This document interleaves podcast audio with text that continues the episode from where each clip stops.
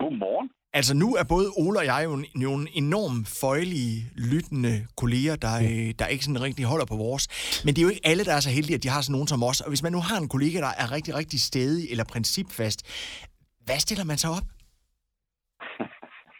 Jeg ved ikke helt, om jeg tror på det, du sagde der, men jeg synes, det er et godt spørgsmål.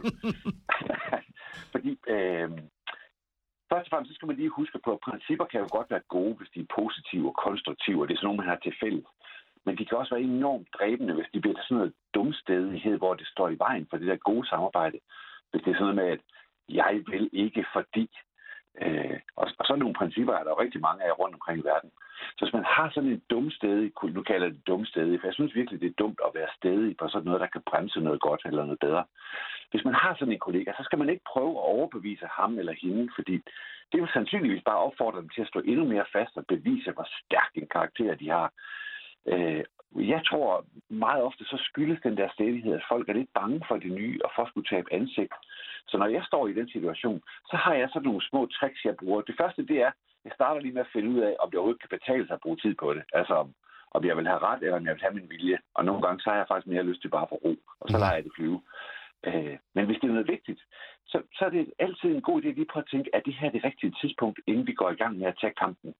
Øh, og så skal man huske at være rolig og positiv, uanset hvad der bliver sagt. Altså, der findes ikke noget stærkere end mennesker, der er i balance. Øh, så det kan man lige minde sig selv om. Og så skal man prøve at forklare stille og roligt, øh, at man gerne vil have, at vi begge to vinder ved det her. Hvis der er et eller andet, vi skal lave om, for eksempel. At vi skal til at drikke te, i stedet for at drikke kaffe. Den tror jeg vil give lidt øh, ballade rundt omkring. Øh, så kan man jo prøve at spørge ind til, hvordan man sammen kan finde en løsning. Altså, lad være med at dømme eller anklage, eller sådan give karakter på, hvor dumt det er, det ene eller det andet.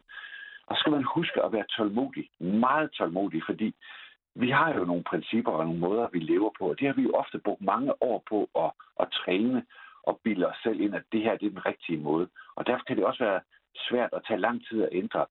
Øh, og det, man skal huske, når man står med sådan en kollega, det er, at måske er det lige præcis dig, de har brug for, for at ændre den her adfærd. Så vær lidt tålmodig og vær positiv, og så spørg ind til, hvordan vi sammen kan, kan ændre på det. Det lyder da klogt. Mm-hmm. jeg, vil simpelthen, jeg vil simpelthen begynde at bruge det her i stedet for at gøre det, jeg altid gør. Jeg siger bare til folk, jeg kan godt give dig ret nu, men så tager vi begge to fejl. Den er altså heller ikke dum. Nej, vel? jeg, ved ikke, jeg ved ikke rigtig, om man kommer videre fra den. Nej, det tror jeg ikke. Jeg synes også, den plejer at lande der. Men ved du hvad, Niels, vi vil simpelthen øh, tage det her med os og, øh, og begynde at, at bruge det på, på folk, som er væsentligt mere sæde end os. Og så vil vi da egentlig bare øh, høre, om du ikke vil tale med os igen en anden, en anden fredag. Det vil jeg rigtig gerne. Jeg glæder mig.